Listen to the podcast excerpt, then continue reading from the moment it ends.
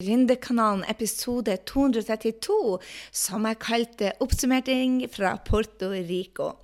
Du, dette må være den mest rykende ferske episoden, fordi jeg kommer rett fra Puerto Rico, hvor jeg har lært ut av min mentor gjennom ti år, Brenn Burchard, Dean Graciosi, som jeg har kjent av i fire år, sammen med Randy Garner, Ethan Willis, som jeg har kjent nå i to år, og jeg fant en ny mentor som heter Evan, og som er helt ny, som jeg traff der borte.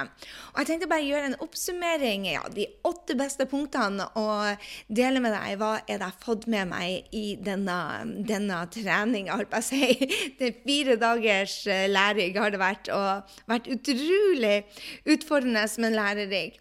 Og jeg hadde bare lyst til å dele med at det var så mange som sier det, at 'å, du er så heldig', men jeg vil, jeg vil gjøre dere oppmerksom på det, at heldig er noe du skaper sjøl. Altså lykke og hell er noe du skaper sjøl. Og det er ofte det at du ser en mulighet og velger å ta action på den muligheten. Det er da du da får eh, hell. Og de fleste har jo masse muligheter som vi velger å gå forbi oss fordi at vi er, er, er litt redd for å ta action og lurer på om vi er klare, og lurer på om vi har råd, og lurer på og lurer på og lurer på, og så blir vi i hodet istedenfor å finne ut av det. Så jeg følte meg ikke så veldig heldig, nemlig når jeg brukte to reisedøgn med masse forsinkelser opplevelser. Ble endte opp på turistklasse med fem hylende unger og tre veldig fulle nordmenn på et tidligfly. I tillegg så har jeg seks dager borte fra jobb, som er som du vet tapte inntekter. Det kosta meg 150 000 kroner for de tre dagene. Eh, I tillegg så var det dyre hoteller, reiser, masse dyre middager. Eh, og vet du hva? Jeg kjøpte et kurs, så det endte opp regninga på reiseregninga mi kom altså på 200 000. Og jeg har bare lyst til å si det at 200 000 er mye penger for meg. Og når jeg i tillegg har tatt en sabla dårlig beslutning i år som har gjort at jeg starta januar med å tape 600 000, så satt jeg på gjerdet litt og jeg lurte på er dette smart. Er, det, er, dette det jeg skal gjøre? Er dette en smart eh, investering? Og jeg fant ut at return on investment for meg ville være så utrolig verdt det. Så, så det hele tida Dette med hell, du må ta det med en klype salt. Det er veldig få der ute som er, unnskyld, som er veldig heldige. Det er bare det at de tar action når de ser muligheter, og gjør en vurdering om dette blir en return of investment, som betyr fortjeneste på den investeringa du gjør.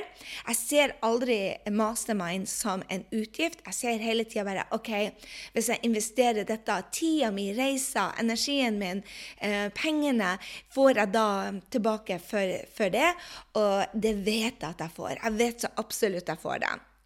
Så um, en av de tingene som um, jeg lurte på også, om jeg klarte, var å få hele tida sett nye perspektiver.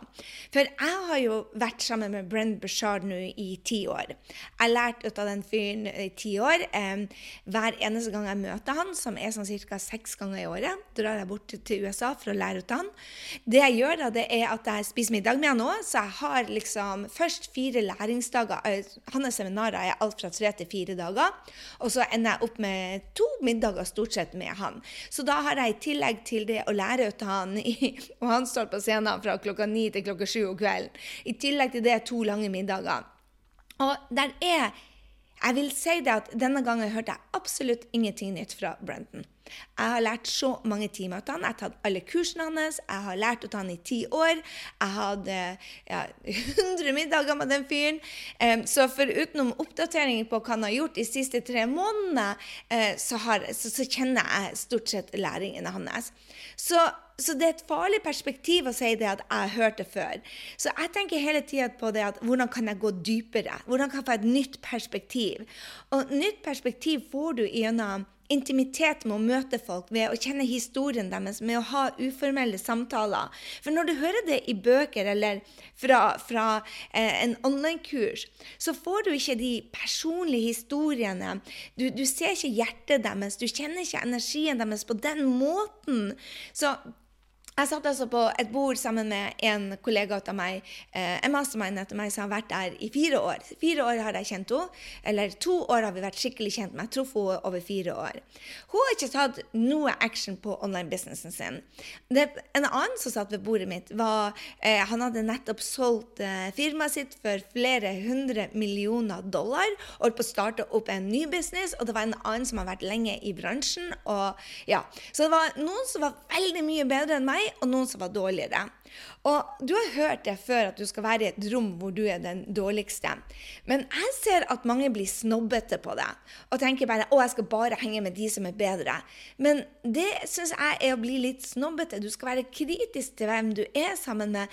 Men jeg tenker alle som har råd til å betale minimum 100 000 for å sitte i et rom med disse rå folkene, de har noe å by på. Og det sier jeg til mine mastermindere òg. Hvis du har betalt ja, over 150 000 for å være i dette rommet, så, så betyr det at du har en visjon, du har, du har, et utgangspunkt om at du tør å satse, du har et mot, du har, du har noe å by på. Og det er så viktig det at man ikke blir snobbete på det og tenker bare å nei, jeg kommer lenger enn de andre, så jeg skal bare henge med de som er bedre. Og det ser jeg noen gjør når de kommer på mastermind. bare nei, jeg vil ikke snakke med deg, du kjenner bare så og så mye, eller du ja, så, så, så tenk på det at jeg er så for at du skal henge med de som er bedre. Men vi alle hadde et utgangspunkt. og um, jeg husker når, når, jeg var helt ny for Brenton. Han tok meg inn i Mastermind, og jeg hadde ingen erfaring. Jeg var på Nav, som du kanskje har hørt før. Og jeg hadde veldig lite erfaring. Jeg gjorde ikke jobben, jeg tok ikke inn læringene. Jeg var en newbie. Men jeg fikk kunnskapen fra Brenton og begynte å ta action. så, så, så gikk det jo inn, og jeg begynte å vokse med det her. Men hvis noen var da snobbete med meg da og da, og tenker bare 'Å nei, jeg kommer så langt, jeg vil ikke henge med deg', så vil ikke jeg hjelpe dem i dag. ikke sant? De som behandler deg som skit, har ikke du lyst til å hjelpe. Og jeg møtte et par av de som er der fremdeles, og enda ikke har resultat, men var litt snobbete. Og jeg tenker bare Brenton snakker så mye om det at behandle folk med respekt uansett. Vær snill og grei, og vær raus. Og jeg tror det er det mange faktisk glemmer når de begynner å få litt sånn eh, eh vind i seilene. At de glemmer det at hei, du kom fra en plass, du òg. Så for å avslutte den, husk det er ikke å være heldig. Det er det at du ser en mulighet, og du tar action, og der er en pris å betale. Men hvis du ser på return on investment og ser på ok, hva er lønnsomheten ut ifra denne investeringa, eh, og leter etter nye perspektiv, så finner du det. Jeg finner alltid dypere meninger. Så det jeg skal dele med deg i denne oppsummeringa fra Puerto Rico, du har hørt det før. Men jeg vil oh, gud, Nå må jeg bla i papirene mine her. Eh, jeg vil utfordre deg til å lytte etter OK, du har hørt det før, men lytt. Finn et nytt perspektiv. Kanskje det er noe du trenger å ta tak i. Kanskje det er noe du trenger å gå dypere i. Kanskje det er noe du trenger å eh, bruke mer tid på og reflektere rundt og ta action på. Så jeg har åtte ting jeg har lyst til å dele med deg, som jeg har alle sikkert snakket med deg om før, men jeg fikk et nytt perspektiv. Jeg fikk ny, et nytt syn på det, og jeg følte det at wow, jeg er heldig som får være her, og jeg fikk lov til å gå eh, ett hakk dypere på det. Så en av de første tingene jeg lurte på, eh, nei, som jeg lærte og lurte veldig på i, i, uh, i ettertid, og, og, blir å lage en hel podkast eller trening på det, det var det at um, jeg gjorde en kjempetabbe i januar, men jeg stolte på magefølelsen min. Og en av de, de tingene jeg delte med, med Brendan, var det at hei, jeg gjorde en tabbe, og jeg stolte på magefølelsen min. Så sa han du må, du må lytte til magefølelsen din, men du må aldri stole på han. Og jeg tenkte bare hva Fabian mener du med det? Jeg skal ikke stole på magefølelsen din. Og så sier han det at nei, magefølelsen din er jo bygd opp ut av dine tidligere erfaringer, dine tidligere hendelser, dine tidligere verdier. Når du skal gå framover, så må du se på ok, lytte til magefølelsen fra, fra fortida di, men hva er der i, i, i framtidig verdi? For for fremtidig verdi eh, av denne eh, ja, opplevelsen eller denne beslutninga di, det glemte du å ta. Og en, en, annen ting jeg glemte å ta inn i den beslutninga, var ok, hvordan vil dagliglivet mitt se ut med denne beslutninga. Og det var det som gjorde at jeg måtte trekke meg fra en avtale hvor jeg tapte 600 000. Det var det at dagliglivet mitt ble ikke sånn som jeg ønska. Det ble ekstremt mye reising. Det ble være mot, uh, sammen med mennesker som har andre verdier enn meg. Det var å være sammen med mennesker som, uh, som ikke har uh, den positiviteten rundt seg så, som jeg faktisk trenger. Og, og, jeg fant ut at, at kostnaden for dagliglivet mitt ble for stor. Så, så hadde jeg lytta til magefølelsen at dette var riktig, men, men tatt inkludert ok, hva har dette for fremtida mi gjort, og tatt også inkludert i ok, hva betyr dette for dagliglivet mitt, altså hverdagen min, da hadde jeg nok, eh, jeg hadde nok tatt en annen beslutning da. Men jeg lover deg å dele mer med hvordan du kan ta gode beslutninger. For jeg lærte et system som var bare helt gull, som jeg holder på å teste ut nå, så jeg lover å komme tilbake til deg. Så det andre jeg lærte igjen, og som jeg har delt med deg tidligere Hvis du husker, jeg tror det var episode 220, så snakka jeg om det at 2019-markedsføringa eh, funka ikke. Og believe me, det har jeg forbevist flere ganger. Så, så det å det å um, uh, Ja, det å huske det at markedsføringa som gjaldt i 2019, den må du oppdatere på deg på det, og at du hele tida går for å, å, lære noe. For mange blir så negative og bare 'Å, algoritmen endrer seg', og 'Å nei, nå er det ikke det som jeg lærte i fjor, som gjelder'. Men jeg heller tenker bare 'Oh my God, jeg er en av de som bruker tid på dette', jeg er en av de som lærer dette, og jeg håper jo du er på Gründerud og lærer hele tida av det nye, fordi at det endrer seg hele tida. Men hvis du har den attituden at dette er vanskelig, dette klarer jeg ikke det, istedenfor å tenke bare 'holy smoke, jeg lærer noe nytt'. Og for at, det er jo derfor vi er gründere, fordi at vi er utålmodige, vi vil lære nye ting, vi vil ha eh, endringer. I hvert fall mange av oss.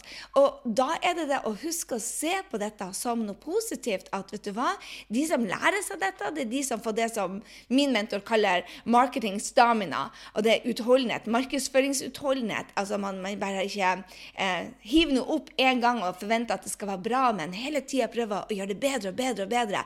Fordi at man ønsker å gjøre en forskjell for drømmekunden sin. Så det første var så stol ikke på magefølelsen. Det andre jeg lærte, var at markedsføring funka ikke. Og det første som skjedde når jeg hadde møte med mine kunder, så var det ei som spurte meg det at Hei, jeg hadde bare 13% oppmøte på workshopen. Jeg bruker å ha mye, mye høyere. Og hadde kjørt et webinar. Og jeg sa bare til og med en gang bare OK, svar meg på dette. Brukte du de samme e-mailene? Og hun sa bare ja, for de funka i 2019, de funka i fjor, de funka i fjor for. Jeg bare yes. Men nå er det en helt annen oppsett som, som man blir tiltrukket ut av. Det kjørt så kan Den ene fortalte meg han hadde kjørt 1800 tester, splitt-tester på hva som funka og ikke funka. Og det som jeg lærte i fjor, det funka ikke. Så sa jeg bare OK, her er de tre e-mailene du må sende ut. Og så får vi teste det om det funka. Noen ganger så ligger Norge bakpå på, og andre ganger så går det litt tid. Men det beviste jo bare det at det som funka på det vi kaller for onboarding-mailer, for å få folk faktisk til å ta tida si til å være med på de workshopene, de som vi skrev i 2019, de funka ikke. Og jeg implementerte dette til jeg tror det var januarworkshopen vår, og vi hadde fremdeles 50% oppmøte. For vi droppa alle de gamle e-mailene og skriv til hjertet til drømmekunden, og vi fulgte den normen som jeg nå lærer mine kunder. Og vi fant ut at vet du hva, det funka fremdeles med å endre e-mailene etter dette systemet, men hvis du går etter 2019, så funka det ikke. Og det er sånne justeringer du må tenke på at bare OK, det var en læring. Jeg skal teste dette ut! Kult! Da kommer det 50% oppmøte neste gang istedenfor Oh my God, så gjorde jeg feil, og systemet endra seg, og så går du. En som heter um, Evan Carmichael, som jeg lærte så vanvittig mye ut av. Han hadde en post på Instagram som sa det liksom Hvordan er det du håndterer failures? Blir de, blir de tabbene dine tyngende over hodet som mursteiner og bare drar deg ned hvor du blir liksom Å nei, og syns det er synd på deg? Eller blir det, eh, ser du på det som virkelig er trappesteg til Og jeg vil jo dele med deg, jeg delte den ene tabben som kosta meg 600 000. Um, og, og jeg, believe me, jeg tror ikke jeg må skrive 600 000 på tapskontoen Det er det største beløpet jeg noen gang har tapt på, på en måned. Tror du ikke det gjør vondt i magen? Jo, tror du ikke jeg gikk en time og syntes jeg var sabla dum? og eh, Jeg hadde ikke lyst til å fortelle jeg hadde fortalt det til mastermindene mine, jeg hadde ikke lyst til å fortelle det til noen at hei, coachen din er ei tøvtøtta. Altså, hun klarte å tape, bruke første, første måned i år til å tape 600 000. Men istedenfor så lærte jeg dem ok, her er det jeg har lært. Og forhåpentligvis så kunne jeg dele min erfaring og hjelpe dem til gode beslutninger, sånn at de ikke taper 600 000. Så jeg ser det som et trappesteg til dette året som blir det aller, aller beste. Og hvis du har den attituden, så endrer alt seg. En annen ting som Eh, det var en av kundene mine i USA som sa bare men du skjønner ikke, Gry. Ungene mine har vært syke denne uka, og det har vært så tøft, så derfor har ikke jeg gjort jobben. Og da delte jeg med det at vet du hva, jeg reiste til USA. Jeg står i fare faktisk for å bli blind på det ene øyet. Jeg tok en operasjon som heter linsebytteoperasjon, og jeg var en av de to stykker av tusen som hadde et uheldig resultat. Og plutselig så får jeg tåke på øynene, jeg klarer ikke å se. Eh, mørkesynet mitt blir dårligere. Jeg har veldig mye hodepine, og helsa mi går. Ikke sant? Du, du, du, skjønner det at hvis du blir blind på det ene øyet, så, så har du en helseutfordring. Men jeg gjør Jeg tar action for det. Eh, når jeg kom fra den andre øyelegen, så sa det samme som den første. Jeg har fått en second opinion, og jeg skal videre til USA for å få en third opinion, om det er noe de kan gjøre. For tar jeg operasjon, så er det veldig stor sjanse for at jeg blir blind, mens nå har jeg bare tåkesyn. Så er det liksom et valg jeg må ta, og det valget må jeg ta nå innen en måned. Og eh, det er et tøft valg. Har jeg down-perioder? Absolutely. Jeg kom fra øyelegen. Jeg gråt som en baby. Jeg gråt så mye at jeg fant ikke bilen min. Jeg gikk og surra rundt et parkeringshus og hylgaula. Folk må jo tro at jeg var tullete. Så ja, jeg har down. Men jeg bruker ikke det en unnskyldning for å ikke si det at vet du hva, om du skulle bli blind, så har du faktisk mye å være takknemlig for. Altså, jeg har en jobb hvor jeg bestemmer arbeidsdagene mine. Jeg har økonomi som gjør at jeg har frihet, som kan leie inn folk til å gjøre de oppgavene ikke jeg kan gjøre lenger. Jeg har eh, altså, jeg har hatt syn i 51 år snart, så Gry synding, skjerp deg litt. Men, men det betyr jo ikke det at situasjonen min er for meg veldig alvorlig. Og jeg føler at jeg er i en sånn OK, hva Fabian skal lære ut av det her posisjonen? Men jeg bruker ikke det som en unnskyldning for å ikke ta action, for jeg tror det og det er en av de læringene jeg tar med meg som en tredje. det at Jeg tror at når du holder løftene for deg sjøl Dette er temaet mitt for i år, hvis du ikke har oppdaga det. Du må holde løftene til deg sjøl, for det bygger selvrespekt, det bygger selvtillit, det bygger integritet, det bygger deg som menneske, det gjør at du blir bedre. Og det at du kan hele tida Du trenger ikke miste synet ditt eller ha syke unger for å finne gode unnskyldninger til å ikke ta action. Men det å holde løftene for deg sjøl Så derfor, ikke gi deg løfter om du skal firedoble, men, men gi deg løfter du vet. Vet du hva? De her oppgavene jeg setter foran meg, det målet er viktig, det skal jeg gjøre. Det betyr alt. Det betyr virkelig alt. Så jeg gikk dypere. altså. Jeg visste det at årets, um, årets fokus for meg ville være det å, å holde løftene til meg sjøl, for jeg vet det at, at, det betyr lykke. Jeg vet at det betyr at jeg får tatt ut potensialet. Jeg vet at det gjør at jeg blir mer modig. Jeg vet at å holde løftene gir at jeg finner mer, mer, enda mer mening i livet. Jeg vet det. Så når jeg vet det, så må jeg òg gjøre det. Og jeg fikk bare så mange eksempler fra Dean og Brenton som ga dem det at de møtte tøffe utfordringer. De tok mindre steg når de sto i tøffe utfordringer. Mentoren min har gått gjennom det tøffeste 2019-året. Altså, jeg var sammen med han 2013 for han og for meg var bare oh my god. Og 2019 for oss var òg veldig utfordrende år på det private planet. Ikke for business, men på det private planet. Og han gikk gjennom det samme. Men vi holdt løftene til oss sjøl. Betyr det at vi ikke justerte businessmål? Betyr det ikke at vi justerte reiser? Betyr det at vi ikke justerte avtaler? Absolutely! Vi satte oss ikke på ræva og sa bare OK, jeg kan ikke gjøre noen ting, og jeg mista, jeg mista meg selv i prosessen. og bare, Det er bare tull. Du mister ikke deg selv. Du, bare, du, du lener deg bare inn til unnskyldningene dine. Og da må man spørre seg sjøl vil jeg ha resultater eller vil jeg ha, uh, leve på unnskyldninger. For believe me, det er en jækla god unnskyldning å si bare vet du hva, jeg trenger enda en ferieuke fordi jeg tror jeg skal bli blind, og jeg kan legge meg ned og grine litt, og jeg kan velge å gå inn Jeg kunne fint velge, For to år siden så har jeg fint valgt å gå inn i en tre-fire ukers depresjon og miste enda et kvartal. Og det var en av de tingene jeg tok med meg fra Brenden. Det var det at han hadde to kvartaler som han mista. To kvartaler mista han. Jeg mista ett kvartal, hvor vi da ikke gjorde det vi sa vi skulle gjøre, og at vi følte det at vi var på halvmaskin og gjorde ikke jobben. Hvis du mister og føler det at du ikke lever opp til potensialet ditt, og du ikke lever opp til løftene dine, hvis du mister to kvartal i et helt år Du gjør det hvert eneste år fordi at du ikke tar deg tid til å reflektere hver første 15. og 30., som han gjør. Han, han, han kom ut og kjøre, to kvartal mista han. Um, for det skjedde ekstremt mye, og han um, så ikke han så ikke hvor han var på tur. Jeg mista et kvartal. Siste kvartal av 2019 var frikken chaos, og jeg gjorde ikke det jeg skulle gjøre. Evaluere godt nok. Og um, jeg hadde for stort fokus på å um, gjøre det jeg sa jeg skulle gjøre, men ikke tenke på den, den store helheten. Så på tasken jeg skulle gjøre, skrive ferdig boka på to språk, istedenfor å se på helheten. Hva er årsmålet, og hvordan hverdager ønsker jeg å ha.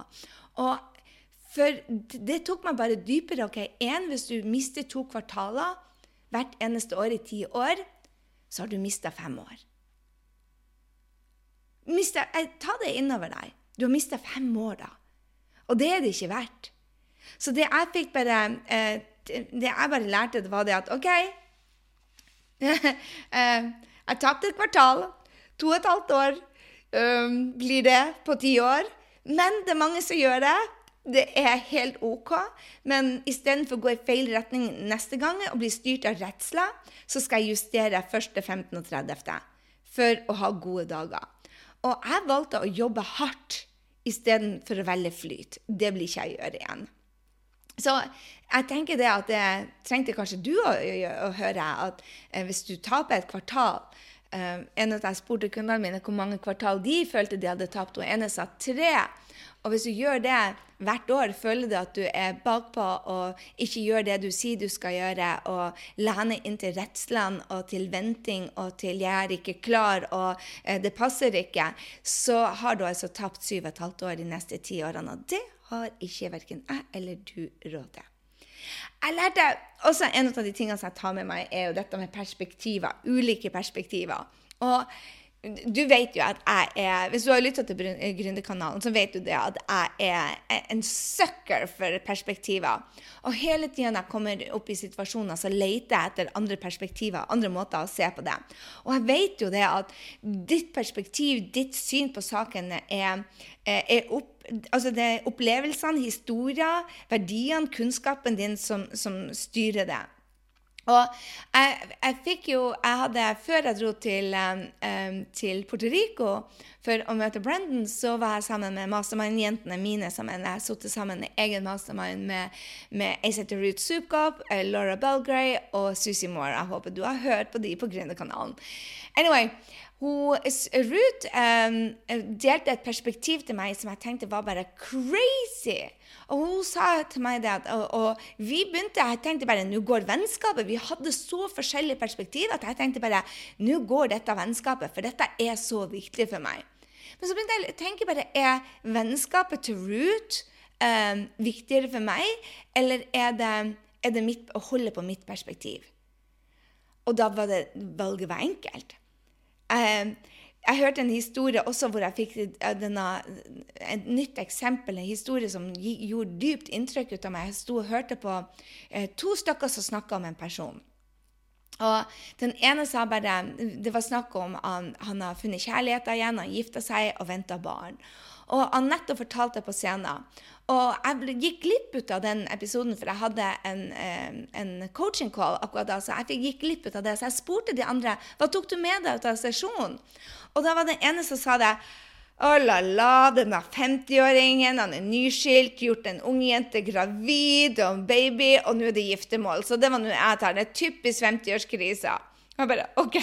Og så spurte han annen bare Å, jeg ble så glad for det at han har funnet endelig en, sin soulmate. Og en annen har holdt ut tålmodig sammen et ekteskap som ikke fungerer, hvor de begge visste det var dødt, og ligger på soverom mange år og, og, og, vært sammen for barna, og endelig er han lykkelig igjen. Jeg er så glad på hans vegne. Og så tenkte jeg bare Det er samme historie, med to forskjellige pers perspektiv. Og det danna da ut av OK um, historien, verdiene, kunnskapen de sitter med, og opplevelsene deres. Så jeg tenkte bare OK, dette betyr bare Gry, at du må lytte mer du må prøve å forstå mer, og du er nødt til å være mer nysgjerrig. En av de tingene som, som Corey, venninna mi, delte med Brendan, eh, hvor han sa bare liksom Hva er det dere tar med dere ut av dette perspektivet, de forskjellige perspektivene? Og da ga Corey et eksempel hvor det inkluderte meg. Vi sto opp tidlig på morgenen, og hun spurte skal du trene eller skal du ta en stroll. Og jeg bare nei, jeg skal bare ta en stroll på stranda, jeg har lyst til å være med. Jeg sa bli gjerne med. Og hun sa ja, hvis det er en stroll, så blir jeg med. Jeg tar på meg klærne og går ut. Og etter eh, 2,5 km så sier jeg bare Gry, jeg er så sliten, jeg må snu. Dette klarer jeg ikke. Dette er faen ikke noe stroll. Dette er en powerwalk, eller det jeg kaller en maraton. Jeg bare Hva du snakker om, kjære? Det er en liten gåtur. Liksom sånn, Jeg kjører jo ikke fullt tempo engang. Jeg kjører liksom 15 minutter per, per miles, da, og en mile er 1,7. Så for meg er, er det rolig tempo. Mens går jeg intensivt, så er det 10 minutter, altså 5 minutter fortere på mila. Og hun var bare Nei, det her er maraton! Jeg er dødslitt, jeg må hjem, for jeg svimer av. Jeg har ikke drukket, jeg har ikke spist. Og da tenkte jeg bare Vi lo så godt for det som var en liten gåtur for meg. Kosetur. Det var altså rene maratonkjøringa for henne. også. tenk på det alltid, at du eier ikke din mening. Din mening Jo, du eier ditt perspektiv, men det er veldig forma ut av der du kommer fra. Så kanskje vi skal åpne øynene og være litt grønne, løfte hodet vårt og, og, og, og se litt fra andre sida. Ok, Den andre tingen jeg lærte, var eller hva det blir, femte tingen jeg lærte, var det, dette med klarhet. Altså, mange sier at å, jeg vet ikke, jeg må få klarhet. Og, og, mange venter i fem år for å finne ut hva som er riktig for, for dem. Altså, Venninna mi har sittet i fire år og venta på hva som er riktig. Og igjen og igjen og igjen så hører jeg det. altså, Klarhet kommer når du tar action og gjør gjøre feil, og ser på de feilene som, som eh, avklaringspunktene, avklaringspunkter om hva som er viktig for deg. Um, og, og jeg tror en av de tingene som, som Brandon fikk så inn i hodet mitt, var det at um, når du er i, i stress og utfordringer, uh, eller uansett om du får masse uh, info rundt deg til å få klarhet, så handler det hele tida om å ha et åpent syn, også etter du har tatt beslutningen. Fordi at de første tankene som kommer til deg, er ofte ikke de beste. Og han sa det at bare tenk på det at når jeg får en, et alternativ fra Denise, kona hans, så av og til hvis vi er veldig uenige, så det første som kommer ut, av munnen min, er sjelden det beste. Når jeg får tenkt meg om derimot, og reflektert litt, og begynner å, å, å explore, lete litt etter løsninger, så får jeg ofte flere. Og, og, klarhet kommer ja ut av å tenke og explore eh, eh, løsninger, men det kommer også ut av at du tar action. Hvis du har sittet på ræva og tenkt mer enn en uke, så er det på tide å, å, begynne å gjøre noen undersøkelser. Ta fysiske action til å finne ut er dette for meg. Så var, jeg syns det var en sånn bra et eksempel um, nå når jeg er f.eks. Med, med, med, dette synet mitt og, og, må ta noen beslutninger på hvem jeg skal ansette, jeg må ta beslutninger på hvor jeg skal satse, hva jeg skal gjøre for noe i USA, hva jeg skal gjøre hjemme, så, så var det for meg var det en sånn her OK, nå skal jeg gi meg sjøl en måned til å explore my option. Jeg skal ikke lande dette. Jeg har et møte med coachen min, vi skal gå gjennom et par alternativer, eh, og så skal jeg bruke en måned til å ta den beslutninga, og så skal jeg ta massive action, og så skal jeg justere, justere, justere. Det er sånn du får klarhet. Det er aldri noe riktig eller feil vei. Fordi at hvis du går på trynet, sånn som jeg gjorde med denne, denne um, 600 000-tabben min Jeg vet ikke om jeg kanskje kunne tatt en enda større tabbe, for jeg lærte så mye ut av den eh, at kanskje hvis jeg valgte, valgte en andre alternativ jeg hadde, så har jeg tapt enda mer og kanskje ikke fått noen læringer. Så det er hele tida det å, å, velge perspektivet om at OK, det, jeg lærte mye ut av dette. Det var tydeligvis ikke den riktige veien. Move on, lær ut av det og se nye muligheter. Bli bedre til å ta beslutninger. Det var det jeg lærte. Så klarhet kommer ut av action. Og det har du garantert, som meg, hørt 100 000 ganger. Men allikevel så glemte jeg det i januar. Så nå har jeg bare fått meg OK, Gry, når du tar beslutninger, viktige beslutninger, her er malen du skal følge. Altså, jeg har funnet en mal som jeg skal dele på et litt senere tidspunkt. med deg, For nå skal jeg ta en nesten siste. ok? Dette var tabbekvota mi i fjor. Jeg jobba hardt uten å leve. Å, det var så mange av oss som hadde gjort det. Vi spurte liksom i, i salen hvor mange som jobber hardt uten å leve. Og, og spesielt i den lille gruppa vår. Um, den siste dagen er bare en liten gruppe. Denne gangen hadde vi fem gjester, men vanligvis er vi fire stykker med Brendan. Og um, uh, denne gangen var vi vel med de fire gjestene var vi vel, med Brendan var vi vel ni. Og da spurte liksom i gruppa vår ok, hvem av oss hadde jobba hardt uten å leve det siste kvartalet. Og det var over halvparten av oss, blant annet.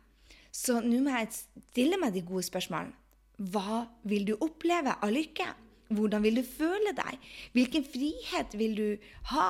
Og en av de reglene jeg sa til meg, er at ok, du må justere kalenderen din. Møter, telefoner, sosiale medier. Alt det er etter klokken tolv.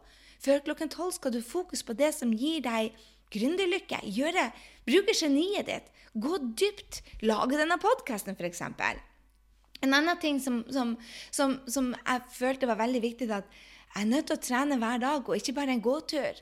Jeg føler meg mye bedre når jeg får pusha kroppen min. Jeg skal ikke gjøre det hver dag, men hvis jeg går en uke som jeg har gjort nå, med bare gåturer, så føler jeg meg ikke så lykkelig. Og det er liksom det, det, for meg er Hvis jeg bare jobber og ikke tar tid til den ekstra treningstimen, det er ikke meg. Og husk det at shit happens. Ikke sant? Du kan være, du kan være lykkelig selv om shit happens. Altså, tenk på dette med synet mitt, da. Jeg bruker det som eksempel mye fordi det er akkurat det jeg står oppi. da, Du vet jo, jeg deler akkurat der jeg er. Så. Men hvis du tenker på det, så går det jo an til å være lykkelig hver dag. Og etter jeg så på hva Brenton gjorde, og hva jeg lærte av han om å ta inn lykke i hverdagen, og jeg har øvd meg på dette i over et år, så er det å huske det at selv om du mister synet, kanskje. Jeg har ikke gjort det ennå, jeg har bare tåkesyn. Uh, selv om du krangler med ungene, selv om du har en utfordring i business, selv om du har tapt 600 000, selv om, selv om, selv om. Du kan føle lykke hver eneste dag. Med å meditere, med å se på hva du har, og ikke hva du ikke har, hva du gjerne skulle hatt. Det, det, er tid for å være trist og fortvila òg. Være sinna. Men, men du kan også velge å være lykkelig hver dag. Og det å sitte og se på soloppgangen i morges med en kopp te, det å eh, hente Helena på flyplassen, det å, eh, ja, det å kjenne på for alt det jeg har, takknemlighet, der jeg skal, og la-la, det er så spennende. Det var, var mind-blowing hvor lykkelig jeg kunne føle meg. Hele meg sitter da jo, jeg er på to kurs nå. Jeg lærer så mye. Bare mellom klokken åtte på kvelden og klokken ti nå, så to dager i uka så tar jeg kurs, og jeg elsker det! Og det er så gøy. Så, så du kan være dønn lykkelig også selv om du står ting. Så jobb ikke hardt uten, uten å leve. Det er bare så viktig at du husker på det.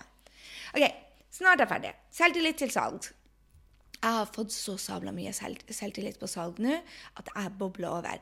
Hver gang jeg er sammen med Dean Graziosi, så lærer jeg dette med salg. Han er så dyktig og går dypere og dypere og dypere. Og jeg skal si noe du sannsynligvis har hørt fra meg før. Og jeg skal dele noe med deg som jeg har hørt 20 ganger fra Dean. Men at jeg lar det gå innover meg, og så bare OK, hvordan kan jeg, påvirke, hvordan kan jeg gjøre dette i hverdagen? Hvordan kan jeg gjøre mer ut av dette? Hvordan kan jeg putte mer ut av dette? Så det han sa, som han bruker å si, og som jeg har sagt til deg, det er at hvis du, var, hvis hvis du elsker drømmekunden din, og hvis du vet at produktet ditt hjelper kunden din å gjøre At du gjør en forskjell for dem, hvis du vet at du øker selvtilliten og gir mening i livet til dem, at du vet at produktet ditt gir kunden din mer kontroll i livet, eller du vet at det betyr noe for dem hvis de tar action på det du lærer dem, eller det du selger dem, så får de mer kvalitet på livet. Det er å hjelpe folk. Å forstå drømmekunden, min drømmekunde. Så vidt jeg vet, så i 2011 var jeg en av de aller aller første i verden som hadde drømmekunden med inn i markedsføring. Yes, så nytt er det. Når jeg tok f.eks. kurs hos Marie eller Evan Pagan, så var det sånn sånn ja, du må forstå utfordringa, drømmekundens resultater. That's it. Det var ikke å gå i dybden på drømmekunden. Så når jeg brukte det jeg hadde lært av bare jeg skjønte ikke hva som gjorde den store forskjellen på salg og ikke-salg, når jeg fant ut at jo, jo fort jeg ble drømmekunden, så fort jeg gikk i dybden på drømmekunden, så fort jeg følte drømmekunden, så fort jeg kjente drømmekunden, kunden bedre enn hun kjente seg sjøl, så gjorde det hele forskjellen i salget. Når jeg skjønte det, så tok jeg det inn og bare Oh my God, av alle de andre kursene, dette er the missing piece. Nå har alle det med. Altså I marketingkursen så har alle det med. Men det var en av de første tingene jeg oppdaga for ti år siden. Husk på at jeg har holdt på med det her nå i ti år. Men, men jeg forsto det enda bedre nå til, til, Nadine delte det at vet du hva, Drømmekunden taper på at du ikke selger, og du taper det.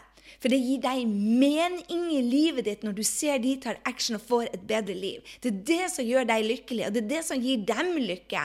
Så ikke snyt kundene for deg. Bli god på salg. Og det var bare sånn Oh my God! Så det var helt fantastisk.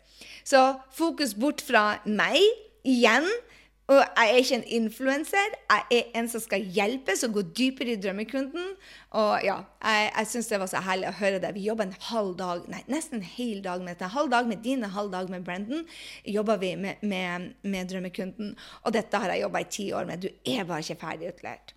Ok, Siste punkt handler om at self-education, det er at selvlæring, begynner å ta over for universitetene. Det begynner å ta over for vanlige skoler. Og det blitt den nye normalen. Så snart blir arbeidsgivere ikke å spørre hvilken skole du har gått på, men hvor har du videreutvikla, hvor har du utvikla deg? Online-kurs og mastermind blir bare mer og mer og mer ut av. Så man går, man går, ikke lenger til BI for å bli entreprenør, til å ta entreprenørskap til en professor som har hatt fast lønn de siste 30 år. Man går til de som har vært der og gått veien. Og det å se denne industrien som jeg er en del av, vokse og gjøre en så stor forskjell i andre sitt liv, har bare vært helt fricking amazing. Å få vært med på denne turen hvor det var liksom bare online-kurs, gi bort kredittkortet. Er du gal? Nei. Jeg må ta nok en coachingutdannelse med en eller annen ja, professor.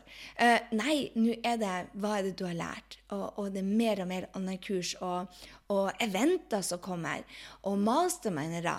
Så det, det her med at du lærer bort mindsettet og taktikkene. For universitetet lærer ofte strategier og taktikker. Men nå så online-kurs og, og eh, mastermind og den type eh, gruppecoaching, da går du mer inn i mindset og taktikkene, og så gir de det amerikanere kaller for en blueprint, men det jeg kaller en sånn steg-for-steg-prosess. Det er framtida. Vi kommer til å se det i mye større grad om at folk spør deg hvis du skal ha en jobb, hvor har du tatt utdannelsen din? Og det, det tror jeg Det er ikke et diplom fra en eller annen mastergrad som kommer, det er liksom hvor er det du tar utdannelsen din.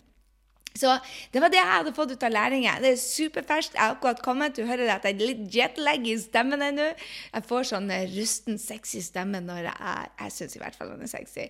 Når jeg er trøtt og ikke kommet helt inn i det nye søvnmønsteret. Og jeg bare rabla ned eh, en av de måtene jeg lærte ut av dine på hvordan du skal ta notater. Så jeg setter liksom svær hjerte og kryss der jeg skal gå tilbake. Og jeg gjorde det mens jeg var der, så jeg plukka bare opp disse punktene fra notatene mine og sa bare OK, det der må jeg dele med deg. Så her er jeg.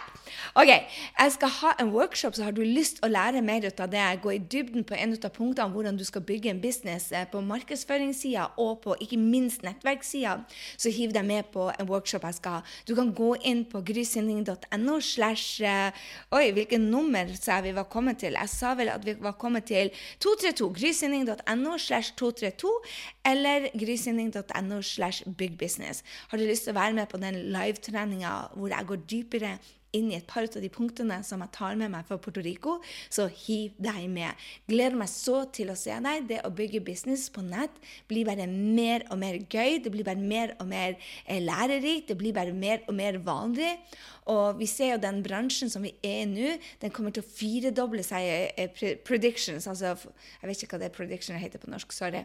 Men eh, de utsiktene som ses ut til på de neste fem årene, så blir det å firedoble seg. Så vil du være med på dette og lære mer ut av meg på akkurat dette, så hiv deg med. grysynding.no. Med det, kjære venn, så håper jeg du syns denne var superinteressant, fordi at du har fått et nytt perspektiv. Og det du skal gjøre nå, hvis du har tatt notater, da håper jeg du er notattaker. Gå tilbake og lytt, og, så, og se på notatene dine, og så ser du ok, hvilken av disse bør jeg ta action på? Hvilken av disse trenger jeg et nytt perspektiv?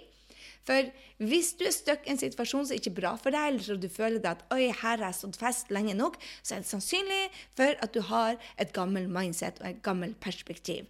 Da er det på tide å oppdatere det. Ok, Med det så høres vi i neste uke. Da skal jeg dele med deg om du bør gå på YouTube. Evan Carmichael, guri jeg møtte han på denne eventen. Han er den mest rause gründeren jeg noen gang har møtt. Han har to millioner følgere. Han er en god venn ut av Brendan, så han kom og snakket om YouTube. Han uh, hjelper Brendan med hans strategier. Han hjalp meg med å sette opp strategien min. Og før jeg implementerte den strategien, så blir jeg å dele med deg hva jeg har lært, og om det er smart å ta deg å bruke YouTube.